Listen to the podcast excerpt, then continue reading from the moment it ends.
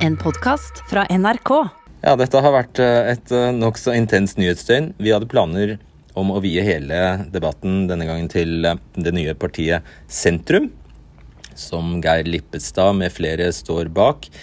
Men i formiddag, var det vel, så kom nyheten om at Jan Bøhler melder overgang til Senterpartiet. Så da var det egentlig bare å kaste seg rundt, og vi fikk beskjed om at uh, han ville stille, men det var med, under forutsetning av at uh, Trygve Slagsvold Vedum fulgte med på kjøpet.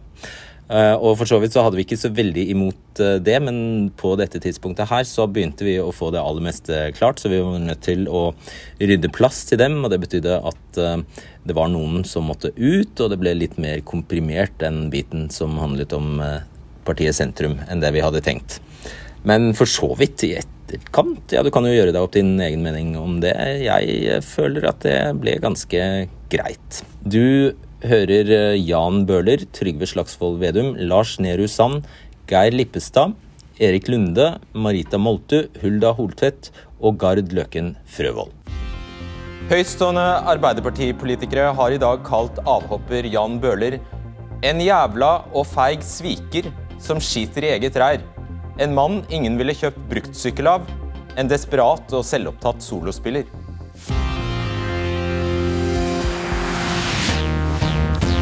Og til dere barn og unge som ser på nå. Jeg vil gjerne si det er lov å være skuffet og såret. Det blir vi alle iblant. Men det er vi voksne som må ta ansvar for måten vi snakker til og om hverandre på. For vi vet at dere lærer av oss.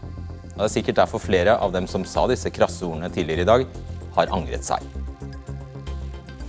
Jan Bøhler er elsket av mange. Han er den atypiske og jordnære stortingsrepresentanten fra Groruddalen i Oslo. Han lager musikkvideoer, drikker melk, sykler, trener. Har sikkert Stortingets største biceps. Men Jan Bøhler har også vært toppolitiker i 30 år. Han har vært leder av Oslo Ap i 12 år, og han har sittet i sentralstyret til Norges største parti. Og Derfor reagerte mange med vantro da han i dag fortalte at han går til Senterpartiet. Vel møtt, Jan Bøhler. Takk. Hva er den aller største forskjellen på Senterpartiet og Arbeiderpartiet? Det er jo eh, viktig for meg at de partiene er nært hverandre, har stemt sammen med veldig mye på Stortinget og nå går inn for å få til et regjeringsskifte etter valget og stå sammen da. Det som eh, har vært den største forskjellen i praksis for meg nå, er at eh, da jeg i sommer sa at jeg i de senere åra mer, mer, og mer har prioritert å være ute blant velgerne som ombud, bruke tida på møter i organisasjonen jeg er med i, treffe folk som jobber med gjengkriminalitet og andre ting. Når jeg sa det, at jeg prioriterer det eh, høyest, den velgerkontakten, eh, vi er ikke til, Partiet er ikke til for sin egen del, vi er til for velgernes del. Når jeg sa det, så den som ga meg beskjed om at eh, det er eh, sånn som også Senterpartiet ønsker at man skal jobbe. Det, det var jo Trygve. Og det, det, ble altså, den, det tillot ikke Arbeiderpartiet da? da? Nei, de, i hvert fall når jeg sa det, at jeg gjerne ville jobbe mer og mer sånn, så ble jeg beskyldt for å rakke ned på partiet og sånn. Og det, det ble, gjorde, det var, gjorde inntrykk på meg, men, men den hele, hele Historiene er jo det at jeg føler at jeg kan få et parti i ryggen nå som på en helt annen måte vil stille opp vet, for de sakene jeg er opptatt av. Deg. Spørsmålet gjaldt partiene. Og spørsmålet var, var hva er forskjellen på Senterpartiet og Arbeiderpartiet den største? For meg så har eh, den eh, største forskjellen i de senere åra, siste åra, og særlig etter at Trygve kom inn som leder, vært at eh, Senterpartiet har fått et stadig sterkere fotfeste blant småkårsfolk, arbeidsfolk i hele landet, og overtatt mye av den rollen i, i viktige deler av landet. I motsetning til? Og jeg tror, altså, Hvor Ap har mistet noe av det fotfestet. Og jeg tror at det, hvis vi kan bygge en allianse nå mellom de delene av distriktene og sånn som Senterpartiet representerer, og oss i drabantbyene og sånn i storbyene, så vil det kunne bli en kraft i norsk politikk som kan skape en ny giv for de sakene jeg brenner for. Den som lever får se.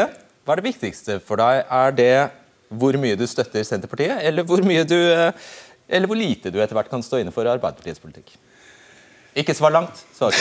Det viktigste for meg er å kunne få fortsette å jobbe i fire år til for de sakene som jeg brenner for, for velgerne mine. Vil, bare at det hvis du ikke vil svare, for da kan vi bare gå videre. Ja, nei, jeg tror ikke du vil svare. Det var sånn jeg hørte det. Nei, det er, du, du vil sikkert ikke svare. Jeg prøvde å svare. Jeg syns jeg svarer ja, godt. Ja, men det er opp til Hvis du ikke liker svaret, så kan du ikke si at det er bare å Ok, vi går videre.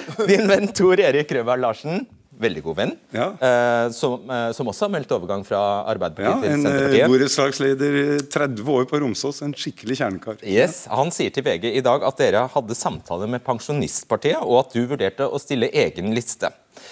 Hva syns du er bra med, med Pensjonistpartiet? Det er jo etter at jeg 4.7 sa at det ikke ville bli aktuelt å stille opp for Ap ved neste valg, så er det jo veldig mange og det er jeg glad for, som har kontakta meg med forskjellige forslag. Og Det er jo tusener av mennesker som har gitt meg uh, meldinger om 'du må stille opp, Jan, vi trenger deg, vi kjenner oss igjen i deg' osv. Er det tusener av partier som har bedt deg stille nei, opp? Nei, men det er flere da, som har da, da tatt kontakt. Og, og jeg, jeg, jeg, hadde, jeg, hadde, samtale med dem og mm. fikk vite hva de står for, litt mer om det. Og hadde hatt det i bakhodet. Det ble ikke aktuelt for meg å gå videre på. Jeg syns jo eh, at de representerer eh, Pensjonistene har viktige anliggender som de fremmer. og Jeg var interessert i å høre mer om dem, og det ble med det. Har du hatt samtaler med andre partier? Nei, det har jeg ikke. Frp? Nei. um, stemmer det, slik Røberg Larsen fremdeles hevder, at du utelukket Pensjonistpartiet fordi sitat, du ikke ønsket å bli assosiert med gamlinger? Nei, det stemmer ikke. Jeg er jo gammel. Han snakker ikke sant? Jeg er jo 69 år siden. Jeg tror ikke han Jeg tror Rubar Larsen han er en avslappa fyr som, som sier ting på en ålreit måte. Nei da, det er altså jeg Men da, jeg regner meg som en godt voksen kar sjøl på 69 år, så det, det, er ikke, det, er ikke, det som er saken. Men du, Litt alvorlig, ja. Eh, Jan Bøller. Er det ikke å holde velgerne dine for narr når du har gått til valg på Arbeiderpartiets program? Burde du ikke vente til valgperioden var over? Ja. Man ber jo om tillit på vegne av et parti i en hel valgperiode. Det jeg har sagt i dag, er at jeg vil, hvis det kommer til konflikter Ap og Senterpartiet stemmer jo veldig ofte sammen i Stortinget. Hvis det kommer til noen konflikter der det programmet jeg eh, gikk til valg på i 2017, står i konflikt med noe Senterpartiet mener i Stortinget, så vil jeg holde meg til det programmet jeg gikk til valg på i 2017. For det er å være lojal, som du sier, ryddig overfor eh, mine velgere hva jeg gikk til valg på den gangen. Og Det er, er, noe jeg har avklart i forkant, for det syns jeg er eh, riktig å si fra om. Ja, Og det lover du? Det lover jeg. Ja, ja. Gjennomgående i dag, Vi må innom innledningen min her. Gjennomgående i dag har vi hørt fra eh, en del Arbeiderpartifolk at du har kjørt ditt eget løp, at du er en solospiller, at du er mest opptatt av din egen stilling og makt. Det er til og med også blitt sagt offentlig at de ikke har sett deg på et eneste møte i representantskap siden 2017. Hva vil du si til det? For det første så er jeg opptatt av å ikke drive med eh, negative personangrep, eh, karakteristik karakteristikker av folk som er ja, som vi, nå, nå prøver vi å, det, å, å, komme bort fra det i Norge og drive med stempling og sånn. Jeg vil aldri gjøre det. Og det Jeg tenker er at jeg har ønska sterkt at, at vi skulle kunne skille som venner. Jeg har eh, stått på, mange har sagt så å si døgnet rundt og sovet lite siden 1984-85 for Arbeiderpartiet.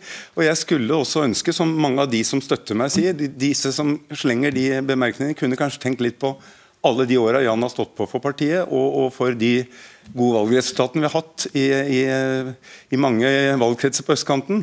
Og kanskje tenk, være litt rause mot hverandre. Det jeg er opptatt av, er å være eh, Men dette være, at du ikke har deltatt på møter, er en ja, gjennomgående ja, beskyldning? Og svaret på det er at eh, etter at jeg, altså jeg har alltid vært opptatt av å være mest mulig ute blant velgerne. blant folk.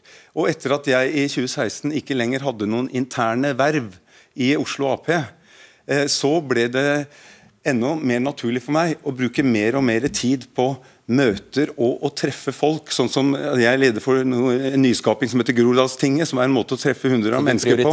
Det. Jeg jobber med negativ sosial kontroll, kontroll i organisasjonen LIM. Jeg jobber sammen med Natteravnen, er i styret der, osv. Eh, idretten jeg har, jeg har det er, Hver kveld i uka altså jeg driver med noe hver kveld i uka Hver kveld i uka er et valg mellom det og interne møter. Og jeg har prioritert det mer og mer. Men drevet med det nødvendige, ja, sånn som i justisfraksjonen på Stortinget. Bøller, men de sier at Nei. du har nedprioritert partiarbeid. Det er, det, jeg, men jeg kaller det altså Da tenker man parti i seg sjøl. Jeg kaller det å jobbe for partiene det er for meg å være ute blant velgerne, høre på dem, ta deres saker inn i Stortinget. Yes. Jeg tenker ikke som partiet i seg sjøl som de eh, jeg er redd for at de gjør for mye. Trygve Slagsvold Vedum hadde et utspill i Aftenposten i august i fjor, altså rett før valget. Han sa at han vil kutte om lag 22 milliarder kroner av byvekstavtalene. Disse byvekstavtalene går bl.a. til Oslo. I Oslo går det til nye T-banelinjer og til nye T-banevogner. Er du for et sånt kutt? Eh, nå var ikke jeg med i inngrep med Senterpartiet den gangen som det Nei, skjedde. det det utspillet, så jeg, så jeg, jeg håper at eh, vi nå vil eh, være enige om å prioritere byene også høyt framover. Så du er imot det? Så jeg, Det hørtes ikke noe ut som jeg. Og i, i dag så sto jeg på Aps program i denne perioden, og jeg ville ikke, det, det var ikke en ting som jeg liksom ville jublet for. Men så, sånn er det nå. Jeg var ikke med på noe behandling. Neida, det, det, skjønner vi jo. I, I, Senterpartiets program er Oslo nevnt fem ganger. Tre ganger handler om å flytte ting ut av Oslo. Én gang handler om å stanse utbygging av eh, Gardermoen, altså tredje rullebane der. Og den femte gangen handler om å sikre en allmennkringkaster utenfor Oslo. Er du for å flytte virksomhet ut av Oslo? Jan Bøhler? Jeg håper at eh, når jeg nå engasjerer meg i Senterpartiet, så er jo noe av tanken min at uh, Senterpartiet, som har så sterkt ståsted i distriktene, at jeg ønsker å støtte opp om distriktssakene som de jobber for, men kombinere det med å få en større vekt på storbyene. Jeg tror norsk politikk trenger at vi greier å ikke sette by mot land, men by og land sammen. Og jeg håper jo at, eh, at Senterpartiets Ja, jeg prøver det. Jeg håper at jeg kan hjelpe til å få Senterpartiets holdning holdninger i disse spørsmålene også mer i tråd med det som mine velgere på østkanten i ja, Oslo ønsker. Ja, For de er vel ikke for å flytte ting ut av Oslo? Det er ikke alle ting som er eh, like viktige av kontoret også, men av de store tingene som jeg har jobba med, så er det, er det, ting som jeg håper å kunne påvirke bedre nå enn jeg, enn jeg har kunnet når jeg har vært i den, rollen, i den backbench-rollen jeg har hatt til nå har sikkert gjort vondt for Trygve Slagsvold Vedum å holde seg i ro så lenge, og stille, ikke minst. Velkommen til deg også. Hvorfor, uh, hvorfor, var det viktig å bli med Jan Bøhler? For det var det faktisk. Hvorfor var det viktig for deg å bli med han hit i kveld? Fordi Jan Bøhler er en eh, jeg synes han har en forbilledlig måte å jobbe som folkevalgt. Altså Du er ute, du lytter, du er nær folk. Og at du hele tida tenker på at du er ikke til ja, for partiet. Hvorfor er du her? Jo, nettopp fordi jeg syns det er viktig, og også når, når Jan tar det steget han gjør eh, sier at han vil være på vårt lag, at vi stiller opp sammen med Jan. Okay. For, jeg mener Jan er en god og dyktig folkevalgt. Det er greit. Det er andre gangen i dag, tredje gangen, fjerde gangen kanskje at du stiller opp sammen med han i, i dag. Du stilte endog til og med opp på nominasjon, det er veldig spesielt, stilte opp på nominasjonsmøtet til Oslo Senterparti da de la fram sin innstilling i, i dag. Har du gjort noe sånt tidligere? Nei, det har jeg ikke gjort. Nei. Men jeg mener at det er veldig viktig, det, det, den jobben som eh, Jan Bøhler sammen med oss skal gjøre, f.eks. med gjengkriminalitet i Oslo, som er et kjempestort problem. Og Derfor har vi brukt uh, Bøhler og jeg har brukt mye tid sammen også i Groruddalen. Snakka med folk, møtt folk. Du... Og jeg syns det er hyggelig å være sammen med han i dag. Ja, ja, ja det, det, det, regner jeg med at eh, du syns, siden du har vært så mye sammen med han i dag. Vil du gjøre det samme, altså stille opp når nominasjonskomiteen i Trøndelag avholder sin, eh, sin presentasjon av innstillingen? I Sør-Trøndelag, mener jeg, der er det altså kamp om uh, topplassen mellom Heidi Greni og Ola Borten Moe. Vil du gjøre det samme som du gjorde i dag? Nei, svar på det er nei hvorfor ikke? For det er jeg helt sikker på at eh, Sør-Trøndelag Senterparti kommer til å legge fram ei god liste når de har ført sin grundige og prosess. Greide ikke Oslo det? Jo, det gjorde de. Og det er nominasjonskomiteen som har eid denne prosessen. Og de har hatt uh, runde med Jan Bøhler der de har uh, hatt uh, spørsmål, stilt uh, utfordra Jan på ulike saker. Ja, så hele Oslo Senterparti syns det var greit at du, etter at de har vært gjennom alle De hadde sitt siste møte i nominasjonskomiteen i august, faktisk. Da var de ferdig med sine prosesser. Det var fram og tilbake to ganger, som det skal være. De syns alle i Oslo Senterparti syns det er helt greit at du lanserer en kandidat fra Arbeiderpartiet sånn i siste sving. Alle syns det er greit. Det er helt sikkert ingen altså, Forhåpentligvis er det ikke sånn at alle syns alt er greit hele tida, men poenget her var jo at eh, det var jo fylkeslederen i Oslo Senterparti som da kontakta lederen i nominasjonskomiteen. Og Det er der den har gått. Og så er det, Jeg har ikke hatt møte med nominasjonskomiteen i hele tatt. Jeg har leda prosessen sjøl. Og så var det nominasjonskomiteen som spurte Jan Bøhler om han hadde lyst på en samtale. Jan Bøhler svarte ja til det. Og så har hele nominasjonskomiteen enstemmig innstilt på at Jan Bøhler kan være et godt ombud. Og Det er det som er poenget. At vi vil ha gode ombud ja, ja, som ser, ser, de lokale utfordringene. Og Det har vært et samla komité. Det kan være at det er enkeltrepresentanter som kan være uenig, noen som kan være skuffa for de ikke har fått sin plass. sånn. Det, er, kan godt det kan være at noen reagerer på at uh, du som er så opptatt av folkestyre og demokrati og sånt, faktisk kortslutter en veldig demokratisk eh, prosess og er med på noe som som en, kan virke som en kjendislansering, mens du ikke er villig til å stille opp på nominasjonsinnstillingsmøtene til andre lokallag, der det er vanskeligere. Vi reiser rundt hele tida, sånn som på så på tirsdagen, eh, eller på mandagskvelden så var jeg på folkemøte i Berlevåg. og Møtte 10-15 stykker der. Eh, og Forrige uke så var jeg en annen plass. Så jeg hver eneste Så hva uke er rundt omkring. prinsippet her da, egentlig? Nei, mitt mål som Når partileder viser du deg? ja, Det er hele tida, egentlig. Og Det er å reise rundt, møte folk, starte lag. Og jeg har vært eh, nesten på i, for i Finnmark da, i alle kommuner og starta nye lokallag. For Det jeg er så opptatt av, er at det er vi som er, eller jeg som partileder, Jan Bøhler som stortingsrepresentant Kommer du da med innspill om hvem som bør lede, eh, hvem som bør stå på topp? ja, men Poenget her er at jeg har ikke hatt noe møte med nominasjonskomiteen. jeg. Og det, De har gjort det sjøl. Eh, og de har hatt, hatt en god og runde, ryddig runde annet med Bøhler. De har forankra det i sitt eh, fylkeslag. Og de har da enstemmig foreslått Bøhler sammen med mange andre flinke folk. Ja, men- og, i- og I sum kan vi bli en kjempestor kraft. Og så kan vi dyrke den som vi har tenkt siste året i Senterpartiet. Har løfta kaffekoppen. Og den gode samtalen der politikere lytter. Der vi ikke er til for oss sjøl, men der vi er til for folk. Føler jeg har hørt det før. Det Eh, er jo fordi jeg mener ja. det. så det er helt riktig. Jeg er veldig flink til å gjenta det. Eh, Er du for eller mot E EØS? Jeg er, eh, har vært mot EU ved alle Det avstemninger. det Og så eh, jeg, jeg mener at Norge trenger en god avtale med EU for næringslivet. Og det har vært EØS til nå. Så, og jeg kommer jo nå til å stå på det programmet som jeg ble valgt på, hvor, som er for EØS. Neste periode, til da vil du være for eller mot EØS Da, da? da skal jeg se hva de eh, jeg håper det blir regjeringsskifte, og hva Ap og Senterpartiet kommer det fram til da i regjeringsforhandlinger. og så vil jeg stå på det. Du er veldig fleksibel, du. Det er ikke min største kampsak. Jeg mener det viktige er å få en god avtale, ha en god avtale med EU for, for, som tjener næringslivet i Norge. Okay. Og at vi samtidig greier Er du- å ivareta vårt demokrati her. Ja. Er du for eller mot søskenbarnekteskap, som Arbeiderpartiet er imot? er, Er, er slik Arbeiderpartiet vil innføre et forbud mot, men Senterpartiet stemte imot? Jeg er eh, veldig for eh, forbud mot søskenbarnekteskap. Jeg mener at det er en viktig sak for å eh, bekjempe tvangsekteskap. For å vil unngå prøve å Jeg vil prøve det. og Trygve har vært med meg- på Stovner politistasjon og hørt veldig gode argumenter i den saken fra de som jobber med det i politiet. Så der, Det er en av sakene som jeg håper, en storbysak, som ikke Senterpartiet har kanskje vært nært nok på, som jeg håper at de nå kan komme nærere på og få mer forståelse for. Kan du finne på å skifte parti enda en gang? Nei, det kan jeg ikke. Nå skal jeg gjøre mitt for å påvirke dette partiet som eh, jeg tror veldig på, som jeg nå er med i. Som, som, eh, hvis de venner seg og tar, eh, blir med på å ta tak i disse sakene For det som har overbevist meg, hadde vært fint med å ha med Trygve hele dag, det er å gi det signalet om at eh, her er det ikke Jan Bøhler bare som enkeltrepresentant, her er det et parti som vil stå i ryggen, og, eh, ryggen min. Og at partilederen er med på den måten, gir meg veldig optimisme for muligheten å nå fram. Kan Jan Bøhler bli statsråd i en ny rød-grønn regjering? Jeg tror Jan og jeg ser helt likt på de tingene der. At hele der, Noe som ødelegger politikken mest, det er når det blir snakk om posisjoner, spill, eh, spekulasjoner om postene. Men det er sakene som er det viktige. For Men eksempel, og, og derfor, Syns du jeg han kan har det i seg? Syns du han har det i seg? Kunne han blitt en statsråd? jeg kan ikke spekulere i noen enkeltpersoner i det hele Da tatt. gir jeg meg med den, da gir jeg meg med den og går, nett, går til neste spørsmål. Hva, eh, eh, kontantstøtten den er jo dere for å beholde. Han, vel, han var i hvert fall inntil nå eh, imot den. Eh, Vil han klare å overtale deg der? Men Det er derfor vi har et partidemokrati. da. Så vil det bli diskusjoner rundt det. Men det var jo den modellen vi har på kontantstøtten nå, den var det jo Senterpartiet og SV som foreslo sammen med Arbeiderpartiet i 2011. Der vi målet mot de minste barna, for vi så at det var en del utfordringer med integrering.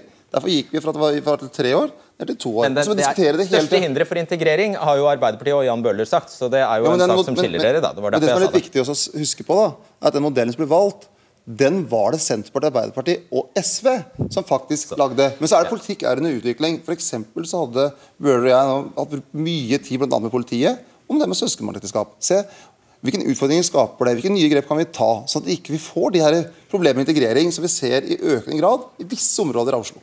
Skal dere hjem og henge sammen etter dette er over også, eller? Nei, du, Han skal sikkert hjem og trene, tenker jeg. Ja. Så- så- så- så- Jeg har med, jeg har med sykkelen, så det blir Takk Han skal dere ha. sprekere enn meg, så jeg må la meg inspirere litt, kanskje. Takk for besøket dere. Takk. Takk. Ved forrige stortingsvalg fikk Senterpartiet i eh, Oslo 8000 stemmer og 2,1% oppslutning. Og de står faktisk sterkest i Groruddalen. I 2017 manglet Senterpartiet om lag 5300 stemmer fra å få et mandat inn fra Oslo. Og på 21 av de 50 siste meningsmålingene er Sp inne med en stortingsrepresentant fra hovedstaden. Lars Nehru Sand, politisk kommentator her i NRK. Hvor spesielt la oss spole litt tilbake, hvor spesielt er det at en stortingsrepresentant gjør dette? Hopper over til et annet parti midt i par... Eller det er jo ikke midt i, men før perioden er over, da. Men Det er veldig spesielt. Ikke så spesielt hvis han hadde tredd ut av Arbeiderpartiets gruppe og møtt som det man kaller uavhengig representant. Det er heller ikke uvanlig å skifte parti eh, etter man på en måte er politisk aktiv og ferdig med de store vervene og posisjonene. Men det å, hoppe over eh, i, i fart, holdt jeg på å si, det er veldig uvanlig. Ja, så det er, og Er det derfor det blir så sterke reaksjoner? At det er på en måte litt uhørt? i anførselstegn? Ja, det kan du si. Og så er det jo også det at det er en, eh, en spesiell overgang. Det er en spesiell Arbeiderpartipolitiker, og det er et spesielt uh, kupp av Senterpartiet å nå gjøre innhogg på en måte i, i hovedstaden, uh, og kunne kapre et mandat fra, fra, hovedstaden. Og også dra hele sin fortelling om et Forskjells-Norge, om en avstand uh, inn til Oslo, ved å si at nå handler det ikke bare om at det er veldig langt fra Svolvær til Oslo, det handler også om at eller fra Svolvær til Stortinget, men det også er langt fra Stovner til rådhuset i noen sammenhenger. Fra Stovner til Stortinget i spørsmål om sykehusstruktur f.eks. Eh, og det har eh, Trygve Slagsvold Vedum nå fått en brikke med på sitt lag til å gjøre på en helt annen måte enn det Senterpartiet har hatt frem til nå. Og Hvor alvorlig er det for Arbeiderpartiet? Ja, Det kan uh, slå begge veier. Uh, det finnes også Arbeiderpartipolitikere som jeg tror vil uh, vokse frem fra Groruddalen og, og, gå inn i en valgkamp, kanskje til og med med en yngre og mer positiv tilnærming til det som skjer i, i Groruddalen, med mindre problemfokus og mye mer tanke om hvordan man kan lykkes med integrering, og hva som godt kan komme ut av, av det. og snakke kanskje til andre velgergrupper enn det Jan Bøhler har klart. Bare stå der du står. Vi skal uh, litt videre, for det vi egentlig hadde planlagt å snakke om i denne debatten-sendingen, altså før nyheten om Jan Bøhlers partibytte kom, ja, det var en annen Ap-politiker som har skiftet parti. I går annonserte nemlig mangeårig Ap-medlem og tidligere byråd i Oslo, Geir Lippestad, at han sammen med en rekke tidligere KrF-medlemmer vil danne det nye partiet Sentrum. Og eh, Lars, eh, veldig sjelden får bitte små og i hvert fall ikke engang oppstartede partier så mye oppmerksomhet som sentrum fikk. Hvorfor skjedde det? Det er jo fordi, For det første at det er en veldig profilert uh, topprofil. Uh, og for det andre at uh, det historiske veivalget Kristelig Folkeparti gjorde, som har gjort at noen på såkalt rød side i partiet, som var enig med Knut Arild Hareide i hans utgangspunkt, eh, fortsatt er i KrF, må vi huske. Noen er sågar med i regjeringsapparatet. Eh, mens veldig mange har følt seg veldig partiløse og, og har hatt problemer med å si, slukke de sorgene. Eh, og at de nå, de kreftene der nå, blir et eget parti, det er i seg selv eh, spesielt. Men det er også det at eh, sentrum sin suksess, eller sin påvirkning på norsk politikk, ikke nødvendigvis handler om deres egen suksess, men kan vel så gjerne handle om at de kan ødelegge for Kristelig Folkeparti. Skulle tro vi hadde planlagt dette. Takk for stikkordet, Lars Nehru. For sperregrensen i Norge ligger på 4 de partiene som eh, klatrer over denne grensa, blir med i kampen om det som kalles utjevningsmandater. Det finnes 19 av dem, altså én for hvert tidligere fylke på Stortinget. Denne grensen er altså med andre ord eh, make, ja, på godt nynorsk make or break. Altså Den kan utgjøre en veldig stor forskjell. og Ved forrige stortingsvalg så fikk KrF en oppslutning på 4,2% De hadde 122 797 stemmer i ryggen. Og det var bare 4983 stemmer over sperregrensen for utjevningsmandater. Og Her ser vi hvor i landet KrF fikk inn mandater fra på Stortinget. Men altså det er, eh, er det åtte stykker? Ja. Men dersom KrF hadde havnet under sperregrensen, da ville kartet ha blitt sånn. Altså De hadde blitt redusert fra åtte til skarve tre representanter. Og da eh, altså, er, det, er det sannsynlig at dette partiet vil klare å kapre nok Eller kan de klare det? Å kapre nok velgere fra KrF som gjør at de havner under sperregrensa, og med alt det vil kunne medføre for Erna Solbergs flertall? Ja, det kan jo skje. og det, det, Selvfølgelig vil de kunne ta altså, velgere fra en rekke partier, men, men for KrF er det ekstra sårbart. og Vi vet jo at mange av de ressurspersonene på topp i dette partiet har bakgrunn fra KrF. Deres velgere og de som heier på de i deres lokalmiljø, eh, vil jo da potensielt være eh, mulige KrF-velgere, som da kanskje velger dette partiet istedenfor. Takk, Lars Nærum.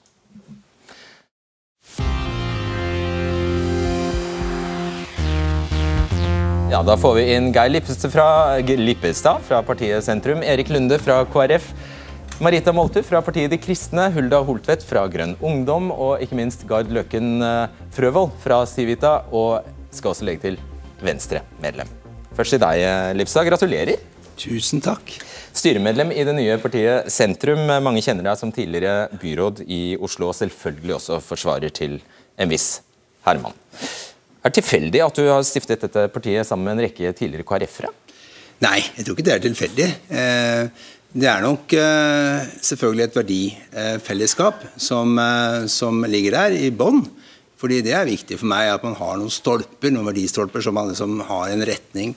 Så Det er ikke tilfeldig. Men det er også folk fra MDG, det er folk fra andre politiske partier. Så, så det er jo ikke bare tidligere KrF-ere, nei. Men Forventer du eller håper du at mange KrF-ere vil stemme på deg? Altså Når vi starter et parti, så er jo det litt sånn galmannsøvelse. Det er det. Men, eh, men, det vi har sett de siste dagene, det eh, både overrasker meg og faktisk må jeg også si har sjokkert meg. Det har vært en enorm pågang. Og det er fra andre partier, ja. Men jeg tror også fra mange av de som ikke stemmer. Fordi det jeg hører kommentatorene sier, og det vi også man har snakket om i de siste dagene, hvem tar man stemme fra? Vi må huske at nesten 25% av velgerne våre stemmer ikke, og det er en grunn til det. Og at man ikke tror at politikk gjør en forskjell for det. Mange av de har tatt kontakt med oss. Gjør det enkelt for de da. Hva er forskjellen på ditt parti og KrF? I uh, tror jeg 30 år så har jeg hatt én sak som jeg har vært opptatt av, og det er å jobbe for utenforskapet, eller mot utenforskapet i samfunnet. Vi har 100 000, og hør det tallet, 100 000 mennesker med nedsatt funksjonsevne som ønsker å jobbe, ønsker å bidra i samfunnet. Og vi har altså ikke fått gjort noe med det på mange mange år. Det har stått IA-avtaler osv., og, og så har man bare løftet det ut istedenfor å gjøre noe med det. Og Jeg tror politikk handler om troverdighet. Alle snakker om at man vil gjøre noe for den gruppa, men jeg håper og tror Og Det gjør ikke KrF i tilstrekkelig grad, da. Må vi kunne tolke deg hvis du nå svarer på spørsmålet mitt? Ja, helt klart. Så er det KrF gjør ikke nok for disse 100 000? Nei, det er vårt DNA å jobbe for de, og selvfølgelig mange andre. Mm. Eh, du, Ifølge plattformen så henter dere inspirasjon fra fellestrekkene i sosialdemokratisk, kristendemokratisk og kristensosialistisk tenkning. Mm. Ja. Uh, hva betyr det? Ja, Det er jo Det er et langt svar, men poenget er ja, at vi er eh, ja, ja, ja. Vi er altså et, uh, vi er et parti som, uh, som ikke har noe kristen profil. Vi er livssynsnøytrale, men det er klart religionspolitikk er viktig for oss. Men det vi prøver å si der, er at, eh, at vi henter det beste fra både fellesskapstenkegang og selvfølgelig også de verdiene som ligger eh, i, i regionen. Hadde ikke det vært enklere å skrive? Jo da, så, så, vi skal jobbe med et partiprogram, og vi skal jaggu ja. få medlemmene med på det. Så vi kan godt skrive bedre, det er helt sikkert. I Aftenposten, det, det, det, det, som har blitt sitert mest, er at dere vil hente flere flyktninger til uh, Norge. Skal ikke spørre hvor mange dere vil ta imot, skal spørre om noe annet som er beslektet. Hvor mange bør det bli enklere eller vanskeligere å få familiegjenforening i Norge? Definitivt enklere. Hvor mange mener du Norge bør ta imot fra Moria-leiren? Jeg tenker at Norge bør gå foran i Europa og prøve å få en løsning med Moria-leiren. Når jeg var byråd i Oslo, så hadde vi en situasjon hvor mange mennesker med nedsatt funksjonsevne, flyktninger, eh, asylsøkere, satt fast i, i, mottakene. Da gikk vi sammen, tok Oslo et initiativ, gikk sammen med de andre byene, løste en problemstilling. Jeg syns at vi skal hjelpe eh, så at de som sitter, de 14 000-15 000 mennesker som sitter i Moria-leiren, og spesielt de barnefamiliene, bør komme ut av det helvetet. Jeg syns alle de barnefamiliene bør komme ut. 14 15 000? Nei, det er 4000 barn i moraleiren. All right, 4000. Mm. Bør skattene opp eller ned? Vi har eh, ikke eh, kommet så langt eh, med å, å tenke til tallet at skatter skal opp eller ned, men jeg tenker at det skattenivået vi har i Norge i dag, er i og for seg fornuftig. Mm. For eller mot kontantstøtte? Jeg er for kontantstøtte. For. Mm. Skal en kvinne som ønsker abort etter uke 11 fortsatt måtte møte nemnd? Jeg har ingen tanker om å endre abortloven som er i dag. Hva mener dere om Israel? Vi mener at Israel er en viktig del av eh, Midtøsten. Og vi mener at Midtøsten og den eh, store utfordringen som er der nede, må, må løses. Bør Israel møtes med sanksjoner? Nei, det syns jeg ikke. Bør ambassaden flyttes? Nei, det syns jeg ikke. Kommer dere til å stille lister i alle fylker? Vi prøver nå å få 5000 underskrifter. Ja, det er det første som må skje. Ja, og hvis vi greier det, og det tror jeg vi greier, ganske raskt, så er vårt mål ja, å stille lister i alle fylker frem til valget. Hvor har du tenkt å stille? Nei, Det må vi jo nå se.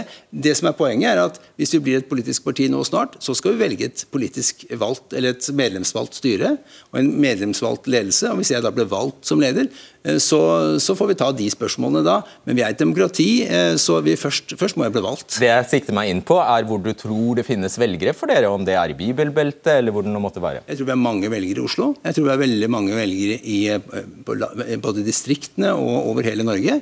Jeg tror vi er mange velgere i Norge som, som ønsker å se en retning og at man ønsker å, å, peke fremover også gi håp. Vi kommer til å snakke masse om næringspolitikk, arbeidsplasser. Så vi er ikke bare opptatt av eh, utenforskap, vi er også opptatt av å skape verdier i Norge. Så dette skal vi få lov til å snakke om når vi, når vi kommer til det punktet. Skal få lov til å snakke litt om det her òg, skal ja. jeg si. Eh, bør Den norske kirke fremdeles ha en særstilling i norsk lov, syns du? Den norske kirke har en særstilling både i Grunnloven, men ikke bare i Grunnloven vår. Det er også det, en særstilling i opplæringslova, mm. barnehageloven, som vi skal lære ungene våre. Mm. Bør den ha det? Ja, det syns jeg, da. Eh, så det, jeg synes Opplæringslova, som er en enstemmig vedtatt eh, lov på Stortinget Alle partier, fra rødt til, til, til, til, blått, har stemt ja for den. Og Der står det at vi skal lære ungene våre om vår kristne tradisjonsarv. Ja, og implisitt dere vil beholde K-en i KRL? Akkurat sånne detaljer er jeg ikke så opptatt av. Skal brøken være 50 det, det, Sånt er jeg ikke opptatt av. Bør man forby private i omsorgen? Nei, definitivt ikke. Erik Lunde, velkommen til deg. Du er statssekretær i Barne- og familiedepartementet for eh, KrF. Hvorfor vil ingen fra ledelsen stille her i kveld?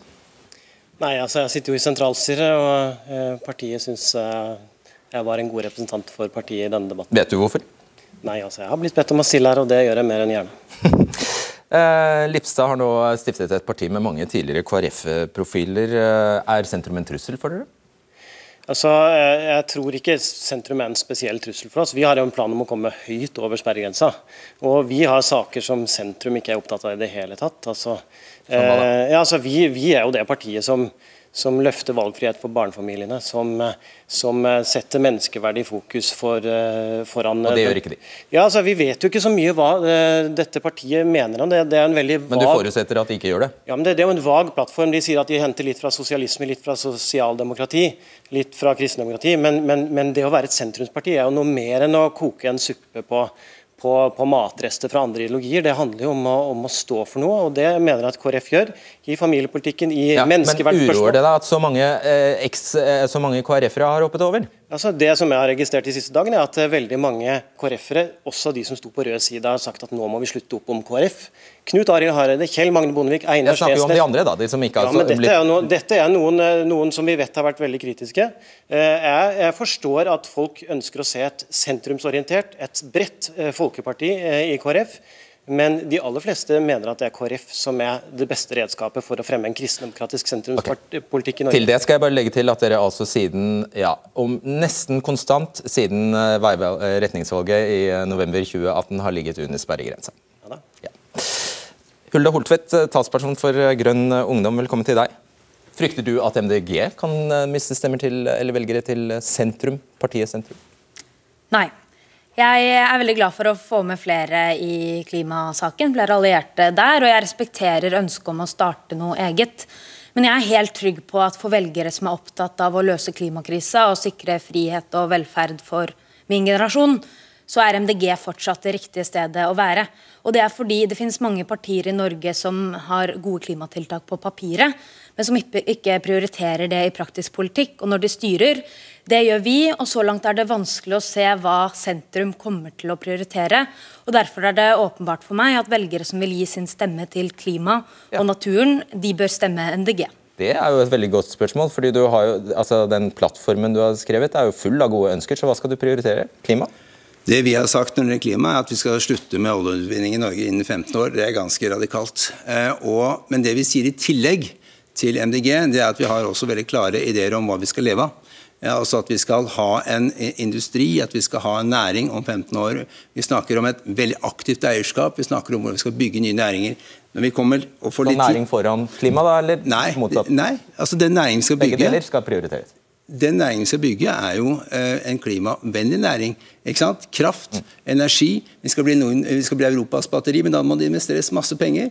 Og vi må slutte å investere alle eh, pengene fra oljefondet i utlandet. Vi skal, skal, investere noe i Norge også. Her matcher de faktisk deres eh, program. De vil fase ut i løpet av 15 år. Det er akkurat, akkurat det det står i deres program.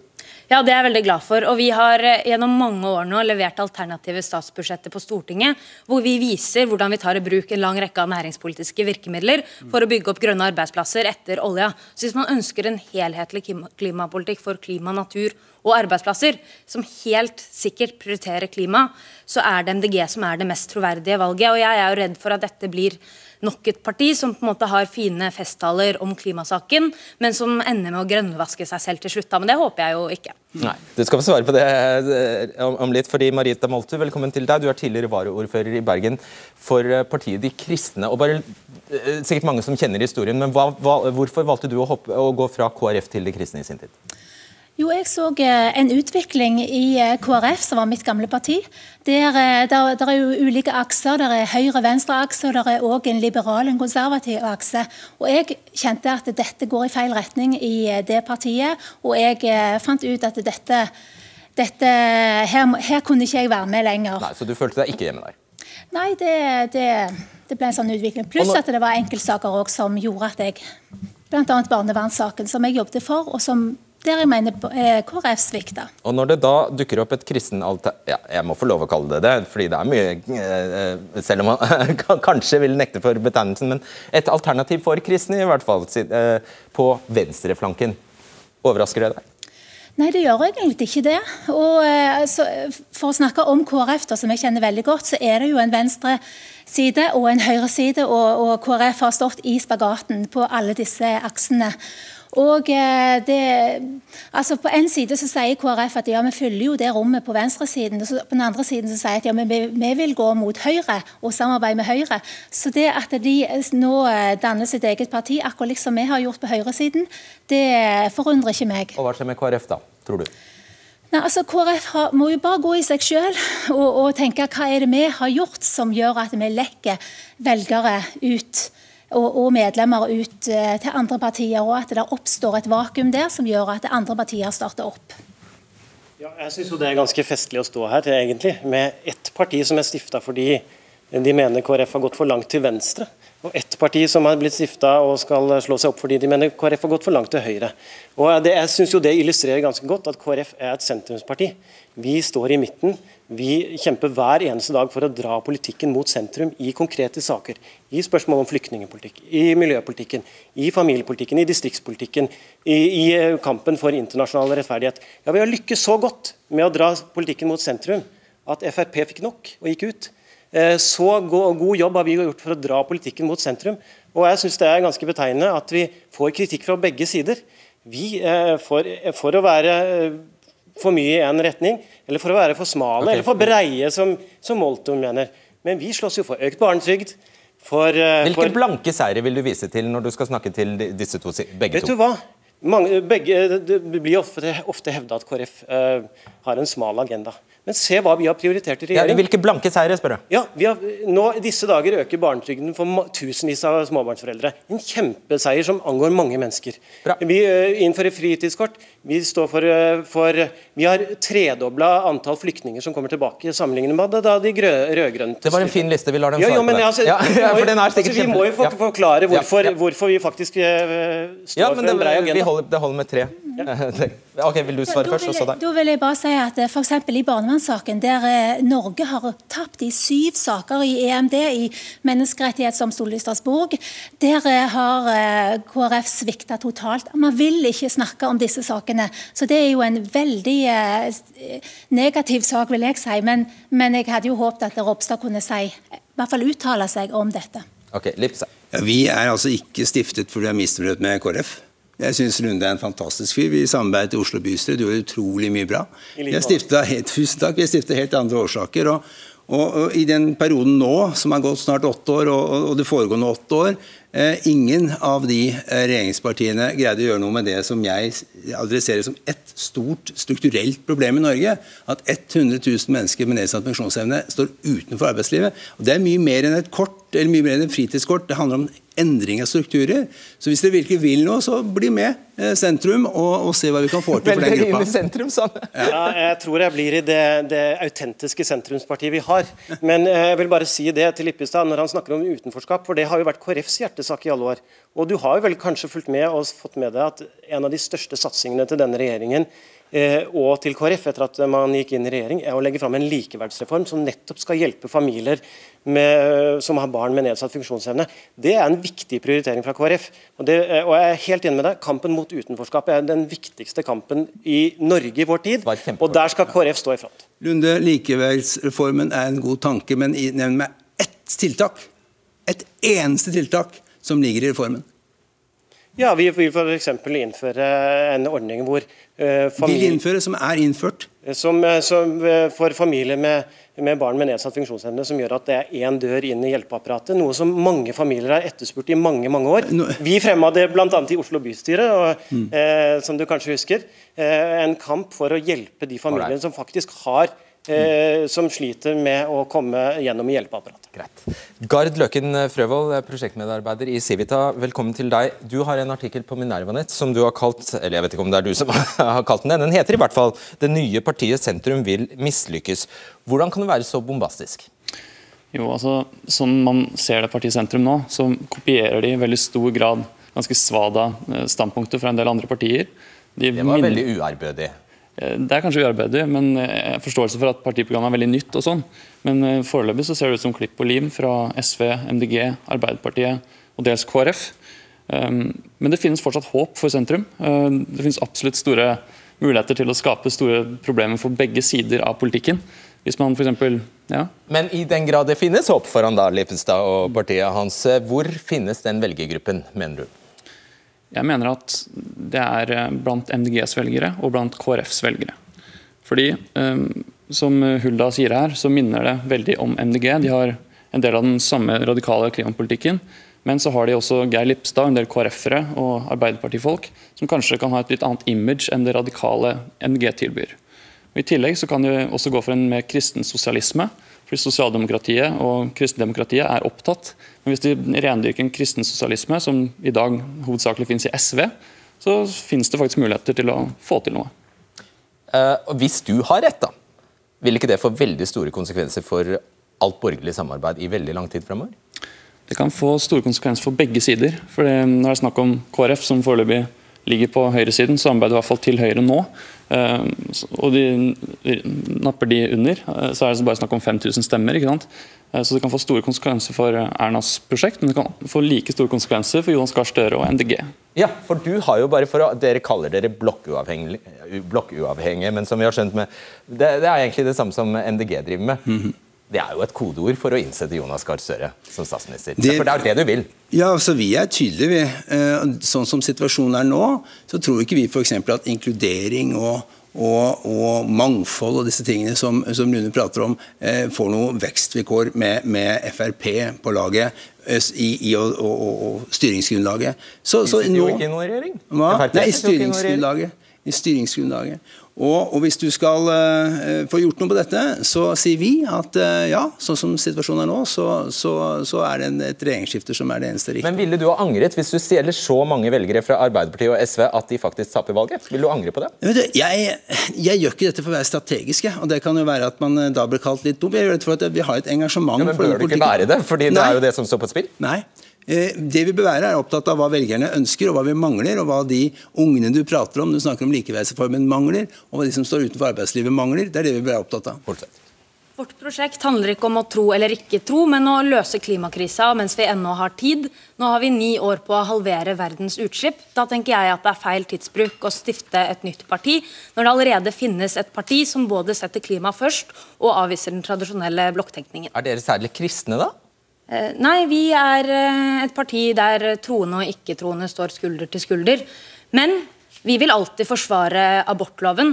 Vi vil aldri akseptere at rusavhengige som trenger hjelp, blir straffeforfulgt. Vi vil alltid forsvare retten til å leve som det kjønnet man identifiserer seg som. Og Jeg vet ikke hvor sentrum står i disse sakene, men våre velgere kan være trygge både på at vi har riktig standpunkt der, og at vi er en garantist for en bedre klimapolitikk. Malte, hva, med dette nye partiet, hva, hva mener du er det verste som kan skje? Nei, altså Jeg ønsker velkommen alle. Det er jo dette det demokratiet handler om. At vi kan ha valgfrihet. Og frihet og Partier endrer seg hele tida, og, og, mennesker endrer seg. og Dermed så kan man hoppe over eh, i nye partier og starte nye partier. Men det verste som kan skje, Eh, ja, jeg vil jo helst ikke ha en, Men det, det, en, bare en for å rød-grønn spørsmål. Det dere to driver med, er jo nesten det samme. Dere knabber eh, til, kanskje tilstrekkelig nok velgere fra KrF, og dermed kan for, eh, for din del da, et borgerlig flertall Ja. ryke. Men hør, det er ingen som stjeler velgere. Man må fortjene velgere, og det tror jeg eh, velgerne skal vite om. Kjempekort. Ja, Vi skal gjøre oss fortjent til velgerne med å snakke om de gode, brede verdiene likeverd, sosial rettferdighet og forvalteransvar og miljø, eh, som vi alltid har gjort. og Det er jeg helt sikker på at det kommer til å bære oss over sperregrensa. Ti sekunder på det. Ja, jeg tror man bør satse på en reell blokkavhengighet, som det MDG ikke får til. For altså, Frp forsvinner ikke. Frp kommer til å være et parti på høyresiden. Så sats på reell blokkavhengighet dersom dere vil ha gjennomslag. Og med det mener du reell? Eh, altså At man kan samarbeide til begge sider. At man ikke utpeker en statsministerkandidat? Ja. Så nå har du fem sekunder. Jeg vil bare si at De siste to dagene har vært helt fantastiske for oss. Vi har fått en mailboks som er brutt sammen av folk som har tatt kontakt. og Mange av de som tar kontakt, er de som ikke har stemt ved tidligere valg. og De skal vi ikke glemme, og de skal vi respektere. Så jeg gleder meg til å stå i dette litt til, og ikke bare litt til, mange år til. Tipper du får flere mail etter i kveld? Jeg vet ikke, men eh, akkurat når jeg kommer hjem i kveld, skal jeg legge meg til å sove, for nå har jeg ikke sovet på et par døgn. Okay. Takk skal dere ha. Tusen takk skal dere ha. Debatten tar pause til over helgen. På gjensyn tirsdag. Oppsummeringen i redaksjonen var i hvert fall at dette gikk eh, ganske så bra, og ganske etter planen. Jeg må innrømme at eh, da Jan Bøhler og Trygve Slagsvold Vedum var på besøk i Dagsrevyen og ble intervjuet av eh, Atle Bjurstrøm, ble jeg ganske jeg fikk jeg litt bange anelser og ble litt engstelig, fordi der holder de, ja, spesielt Bøhler, altså på ordet så lenge at uh, Atle Bjurstrøm knapt kommer til ordet med spørsmål.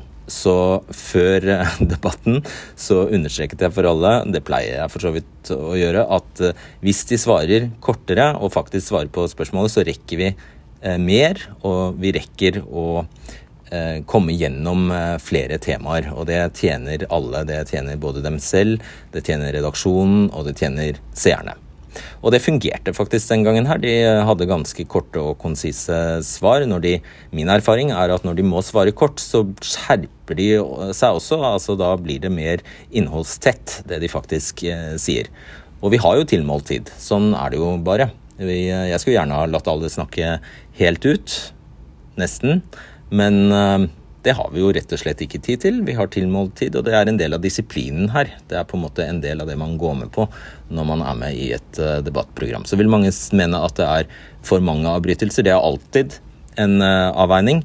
Uh, men jeg avbryter stort sett når jeg har følelsen av at det enten ikke svares i det hele tatt, eller at man er på vei ut på viddene i svaret sitt. Da avbryter jeg for å forsøke å hanke inn intervjuobjektet igjen. Så det er det som skjer f.eks. delvis i intervjuet med Bøhler. Men jeg syns ikke det var så Syns slettes ikke dette var det verste eksempelet jeg har sett. Vel, da tar debatten redaksjonen helg, og så er vi tilbake på tirsdag. Ha det. Du har hørt en podkast fra NRK. Hør flere podkaster og din NRK-kanal i appen NRK Radio.